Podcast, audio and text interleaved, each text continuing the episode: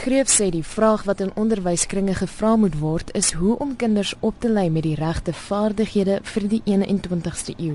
Vaardighede wat geïdentifiseer is, is die sogenaamde 3 R'e, die reading, writing and arithmetic, die 4 C's, communication, collaboration, critical thinking and creativity en die 2 M's wat motivation and metacognition is. Tegnologie kan nie vermy word nie.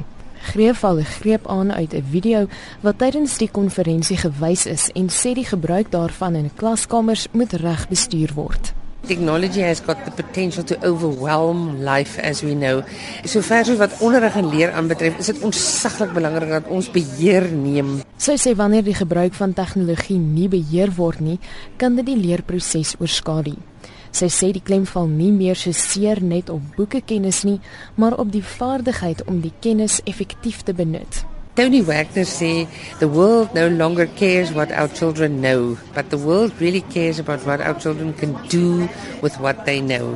Wat is die sin van 'n graad of verskriklike boeke se inhoud in jou kop hê wat jy uitgespoeg het in 'n eksamenvraestel en aan die einde van die dag is jy nog steeds nie in staat om daai kennis te gebruik en te benut nie. Sy sê daar moet 'n manier gevind word om tegnologie en die klaskamer met mekaar te verbind. Wat die tegnologie so ongelooflik maak, is dat ons kinders se leefwêreld konnekteer met hulle wêreld in die skool.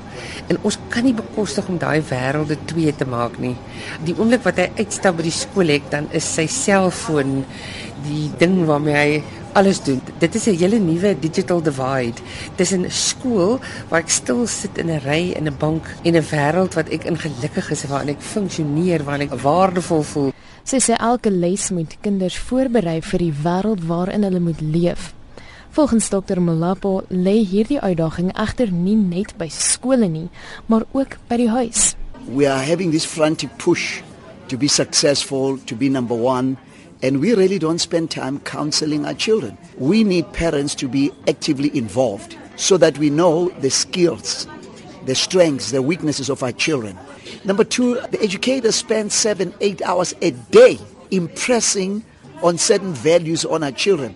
So we need also to ensure that they are also equipped, professionally developed, so that they also are relevant in what are the current needs, what are the future needs. And yes, finally, at the end of the day, the learner is responsible for his or her own growth. Met 'n omgewing wat daagliks groter, beter en vinniger word, sê Melapa moet kinders geleer word hoe om by 'n konstante veranderende omgewing aan te pas. The easiest way to cope with change is to help create it. If we are not proactive in change, the change is going to gobble us. I like what they said. You must not be an obedient factory worker. You know, walking straight line. Those days are gone. They had their time. But because times are changing, things are changing, we also need to change. Hy sê onderwysers moet kinders help om die talent wat binne hulle skuil te ontgin. Gone are the days of you cramming this and then you've got a degree. Then after you've got a degree, you come into the workplace, you find that you are degreed, but you are clueless as far as other things like, you know, survival skills, teamwork skills, project management skills, rejection skills, how to handle stress. Most millionaires and most employers that I know do not even have degrees, but they've got degree people working with them. It's, it's a paradigm shift. Boonop sê hy teorie sonder ervaring is nutteloos in die wêreld waarin ons vandag leef. During the breaks, we need to continue where we allow young people to have the theory you've learned from college, from university. Now let's see how it is applicable in the workplace. Dit was Dr David Mulapo, die president van die ICAN stigting. Ek is Marlene Forsie vir SABC nuus in Sandton.